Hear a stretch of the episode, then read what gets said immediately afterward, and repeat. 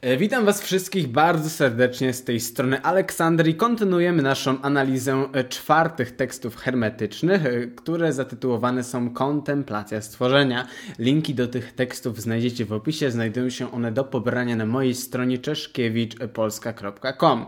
Ostatnio mówiliśmy sobie o wielu, wielu tutaj ciekawych rzeczach zawartych w tych fragmentach, teraz kontynuujemy, dlatego jeżeli jeszcze nie zapoznałeś się z poprzednimi dwoma częściami dotyczącymi kontemplacji stworzenia, czyli tych czwartych tekstów hermetycznych, to polecam najpierw się zapoznać i dopiero po obejrzeniu tamtych kontynuować e, to, co teraz będziemy kontynuować. I mamy tak, kontempluj nad kosmosem, jako jego starożytne ciało, które jest zawsze pierwotne i nowe. E, spójrz na planety krążące w wiecznym czasie, spójrz na duchowy ogień niebios, zwrócone do światła przez słońce i przelane na świat jako dobroć. E, jak już mówiłem w poprzednich odcinkach, to pokazuje na czym polega kontemplacja nad kosmosem? Po co mielibyśmy w ogóle kontemplować nad kosmosem?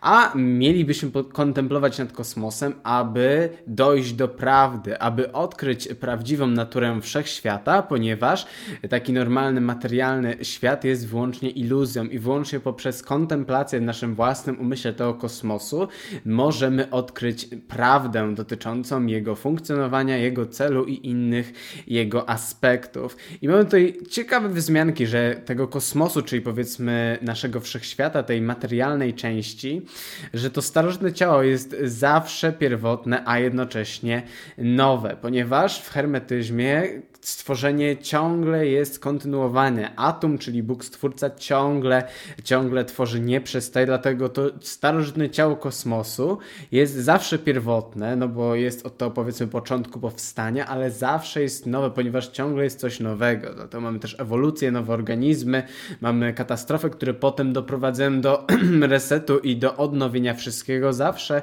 natura działa tak, że jest to odnowienie. Nic takie stare, przestarzałe nie zostaje zawsze musi być nowe.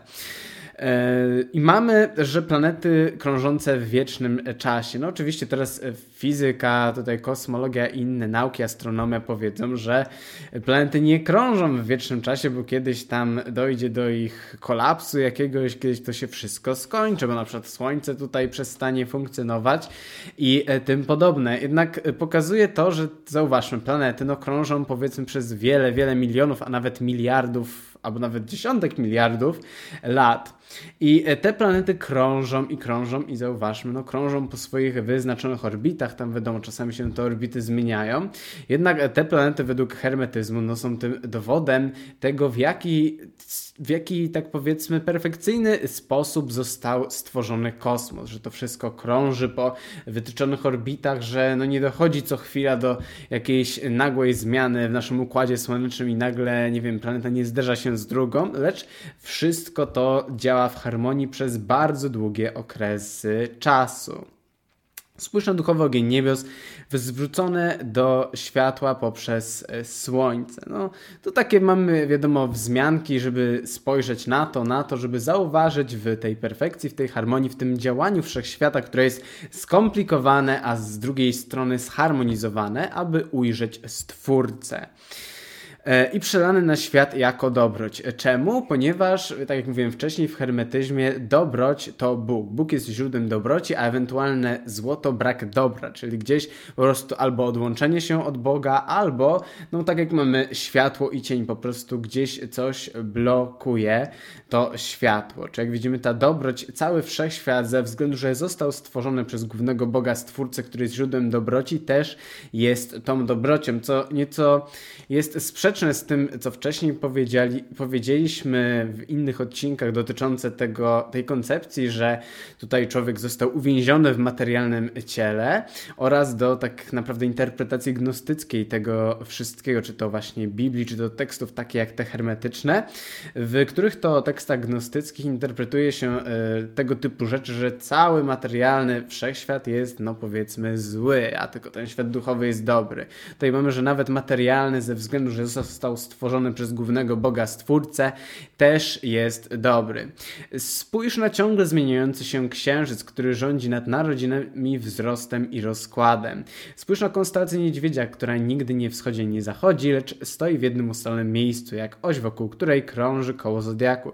No i mamy wiadomo takie wzmianki astronomiczne.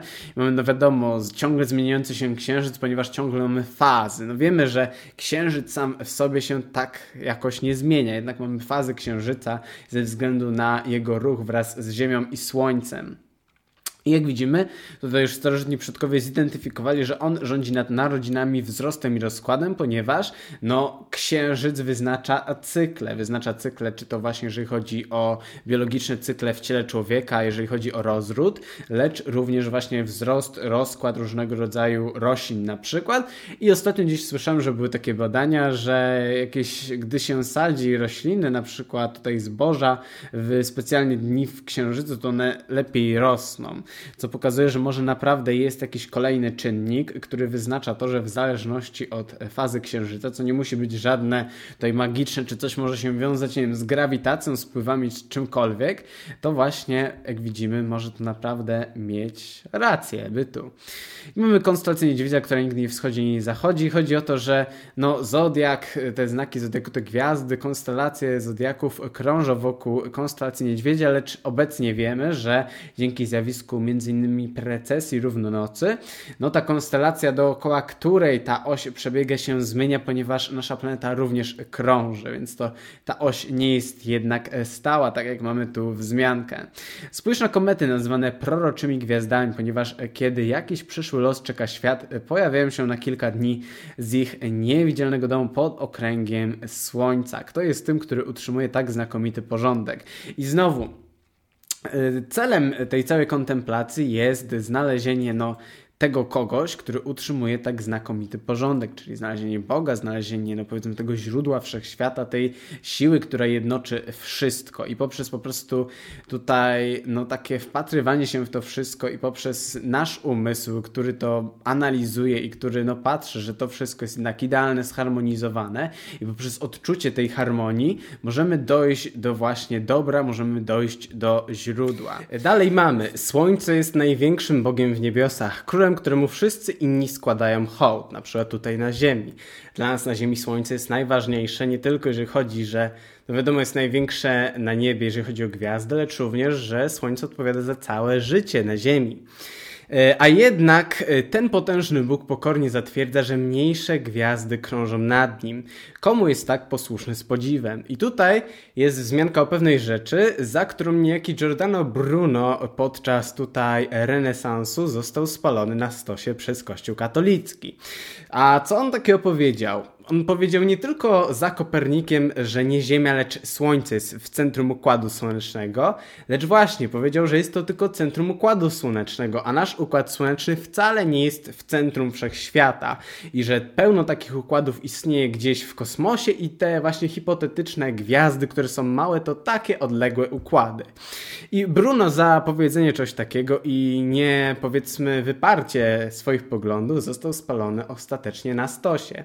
Jak widzimy, jest to bardzo ciekawe i pokazuje, że już te starożytne teksty, chociaż tu jest ta mieszanka z wielu różnych źródeł, no wiedziały, tutaj chociaż nie mamy bezpośredniego heliocentryzmu, mamy tylko, że jest największym bogiem w niebiosach, co nie oznacza, że jest w centrum, nie mamy bezpośredniej wzmianki, chociaż Kopernik cytował teksty hermetyczne podczas jego odkrycia, lecz mamy wzmiankę właśnie, że no mniejsze gwiazdy krążą nad nim. I komu jest tak posłuszny z podziwem, czyli no, że mamy również inne gwiazdy, czyli wcale Słońce nie jest najważniejsze. Mamy tutaj, że to wiadomo, on, ten Bóg, te Słońce, które też jest wiadomo boską istotą, ponieważ w hermetyzmie wszystko ma jakiś boski aspekt, no pokornie zatwierdza, że są mniejsze gwiazdy nad nim, czyli no tutaj mamy, że może są ważniejsze, chociaż może nie są. E, każda gwiazda przemieszcza się w wyznaczonym zakresie przestrzeni. Czemu wszystkie gwiazdy nie poruszają się tym samym kursem? Kto jest tym, który wyznaczył każde swoje miejsce? Czyli znowu kontynuacja tych kontemplacji dotyczących no, znalezienia tego źródła wszystkiego, tej siły, która to wszystko wyznaczyła. Czyli tego artysty, tutaj również są wzmianki w hermetycznym hermetyzmie, że Bóg to artysta, to mistrz również jego dzieła. E, niedźwiedź krąży wokół siebie, czyli ta konstelacja, i nosi ze sobą cały kosmos. Kto jest tym, który wyznaczył jemu to zadanie? Czyli tak jak mówiłem, wiemy, że to tylko z perspektywy Ziemi na podstawie precyzji równonocy ten niedźwiedź był tym centrum. Nie wiem, czy obecnie chyba jakaś inna już konstelacja jest, jakaś inna gwiazda. Polarna chyba, czy coś takiego.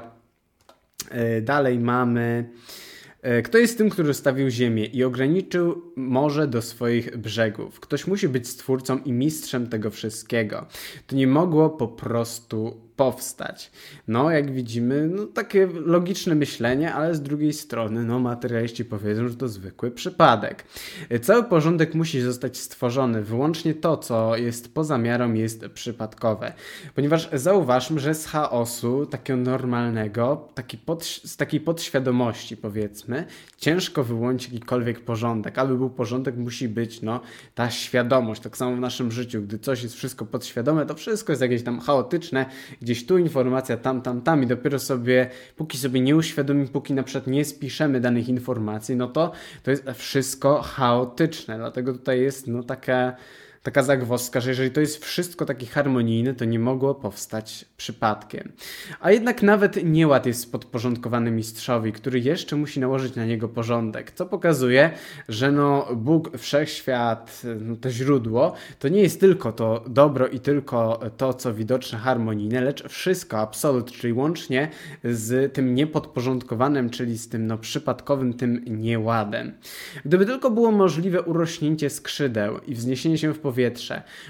Umieszczony między niebem a ziemią zobaczyłbyś solidny grunt, płynące rzeki, wędrujące powietrze, wędrujący ogień, krążące gwiazdy oraz otaczające niebiosa. Co za radość zobaczyć to wszystko unoszone przez jeden impuls, aby dostrzec nieporuszalnego poruszyciela, poruszającego wszystko, co się porusza. On, który jest ukryty, manifestuje się poprzez jego dzieła. Czyli jak widzimy, tak jak mówiłem w poprzednich analizach, że no, Bóg jest wszędzie, Bóg jest wszystkim absolutem, włącznie z tym wszystkim, co istnieje. A tutaj mamy taką wzmiankę, że no wiadomo, ktoś się wznosi, widzi to wszystko, albo wyobraża sobie to wszystko i widzi radość, zobaczyć to wszystko. Czyli mamy no taką nawet, może powie można powiedzieć, ekstazę na widok tego wszystkiego. A zauważmy, że ktoś jest takim materialistą, jeszcze pesymistą albo sceptykiem, który nie wierzy w nic szczególnego, to dla takiej osoby świat jest no, czymś okropnym, czymś losowym, czymś chaotycznym. A gdy tak naprawdę spojrzymy na wszechświat z innej strony i zauważymy, zauważymy ten porządek, tę harmonię, to zauważymy, że to wszystko to jest jedno wielkie, jeszcze przepiękne arcydzieło, które wprawia nawet człowieka, wprawia duszę. Tą część nas z wyższych sfer wprawia w radość. To tak często właśnie yy, tutaj, jeżeli chodzi o praktyki duchowe, mistyczne, to często właśnie, jeżeli chodzi o jakąś naturę, to często właśnie się mówi, że ta natura taka piękna i wtedy mistycy jakieś mistyczne doświadczenia często mają gdzieś gdzieś na górze medytując i tym podobne. Zastanów się przez chwilę, jak zostałeś stworzony w łonie. Pomyśl o tym umiejętnym wykonaniu i poszukaj rzemieślnika, który stworzył tak piękne obrazy na boskie podobieństwo. Mam na boskie podobieństwo, podobne do, podobnie to jest do chrześcijaństwa, co może być, że albo hermetyzm brał z chrześcijaństwa, ponieważ no wiemy, boskie podobieństwo było tą wcześniejszą starotestamentową częścią jeszcze związaną nie z chrześcijaństwem, tylko z tradycją judaistyczną więc najprawdopodobniej hermetyzm wziął od judaizmu, ponieważ teksty są późniejsze. Ale jeżeli tak wziąć oryginalne legendy hermetyczne ze starożytnego Egiptu, no to możliwe, że było vice versa. Jednak jeżeli chodzi o teksty, no to nie ma tutaj żadnej mowy o tak aż odległych korzeniach. Po prostu, jak, że jakieś były wcześniejsze teksty hermetyczne, to się nie zachowały. E, I jak widzimy, to po, tutaj mamy za to, kto wyznaczył kręgi Twoich oczu, kto przekuł Twoje nozdrza, uszy i usta. To pokazuje no, człowieka i cud, jakim jest człowiek, ponieważ człowiek w hermetyzmie jest cudem. I właśnie dzięki temu, że uznajemy człowieka za cud, chwalimy człowieka, nie tylko oczywiście siebie, tylko też innych, no to możemy wznosić się na te wyższe wymiary takiego człowieczeństwa, czyli do tych no, wyższych poziomów świadomości, ponieważ zauważmy, gdy uważam człowieka za maszynę, za małpę, no to tak się zachowujemy, tak jak mówiłem na początku tych czwartych tekstów hermetycznych, w zależności od naszych wizji, takich wewnętrznych systemów wierzeń, tak będziemy się zachowywać i tak będziemy widzieć świat. To jest już tutaj z neurobiologii na przykład wiemy, Dlatego e, tutaj w hermetyzmie jest idea tego wyróżniania człowieka właśnie, czyli wyróżniania, zauważmy, tej boskości, ponieważ nauka chce zrównać człowieka ze zwierzętami. I oczywiście nie powinniśmy być tutaj jacyś, wiecie, wywyższać się nad zwierzęta i źle je traktować, lecz powinniśmy uznać cud w człowieku, czyli no tę zdolność do abstrakcyjnego myślenia i wiele innych wyższych cech, ponieważ gdybyśmy ciągle zniżali się do zwierząt, to byśmy zaczęli żyć jak takie prymitywne, barbarzyńskie zwierzęta, a dzięki temu, że wyróżniamy ten cud w człowieku, no to stajemy się coraz wyżsi, no i dochodzimy do tej wyższej natury człowieka. To jest bardzo, wydaje mi się, ciekawe właśnie w kontraście ze współczesnymi, powiedzmy, ideologiami i systemami wierzeń, ponieważ inaczej tego nie nazwę. Yy, dobra, kto naciągnął twoje ścięgna i szybko je złączył? Kto zbudował twoje kości i owinął twoje mięso skórą? Kto rozdzielił twoje palce i wpłaszczył twoje stopy? Kto wyrzeźbił twoje serce i wydrążył twoje płuca? Kto sprawił, że twoje piękno stało się widoczne i ukrył w tobie twoje wnętrzności? No właśnie, zauważmy, że na zewnątrz to jest wszystko ładne, a we wnętrzu, no, yy, nie do końca takie już ładne. Ile rzemiosł yy, zostało zatrudnionych i jak wiele dzieł sztuki stworzonych, aby uformować ludzką istotę? No zauważmy, to jest fakt, że ludzka maszyna, ludzkie ciało, które jest maszyną, my po prostu jesteśmy czymś więcej niż ciałem, to ludzka maszyna jest najbardziej zaawansowaną maszyną świata. I pomimo naszego rozwoju w technologii nadal nie potrafimy no, zrekonstruować to wszystko, zrekonstruować mózgu, zrekonstruować naszych, powiedzmy, wszystkich zmysłów i wszystkich rzeczy. Wiadomo, są pojedyncze jakieś aspekty, nie wiem, sztuczne jakieś części ciała i tym podobne, jednak nie potrafimy tego wszystkiego zrekonstruować, co pokazuje, pokazuje ten cud człowieka i pokazuje, że jak taka maszyna też, czy jak to ciało człowieka mogło zostać stworzone przypadkiem. No jest to wielka jedna głupota. I o tym też mówię w odcinku e, dotyczącym ewolucji i świata idei. Mam nadzieję, że się pojawi przed tymi tekstami, jak nie to tuż e, po. Dlatego oczekujcie takiego odcinka bardzo ciekawy i bardzo podobny do tego, co tutaj jest opisane. E, statuły i portrety nie pojawiają się znikąd, bez rzeźbiarza bądź malarza. Czy takie wysublimowane dzieło może nie mieć stwórcy? No tak jak mówię, materialiści, ateiści powiedzą, że nie, może nie mieć. Ale to jest jak największa głupota i tak naprawdę ignorancja i po prostu często e, takie osoby no, nie doceniają tego całego skomplikowania albo doceniają, a i tak ignorują, ponieważ mają tak zakorzeniony system wierzeń, to i tak ignorują jakąkolwiek e, powiedzmy boską część w człowieku, jakikolwiek like aspekt, powiedzmy, inteligentnego projektu. To nie chodzi o, że Bóg stworzył tak, tak człowieka, lecz tak jak mówiłem właśnie w innych odcinkach, może to być nie bezpośrednie stworzenie, może to być stworzona idea, która później zmanifestowała się w świecie fizycznym. Mam nadzieję, że dzisiejszy odcinek Wam się spodobał. Oczywiście chodzi mi o całą tą analizę tekstów czwartych hermetycznych. Możecie je pobrać na mojej stronie czeszkiewiczpolska.com. Link znajdziecie w opisie. Na dzisiaj to tyle. Do zobaczenia zobaczenia i do następnego odcinka.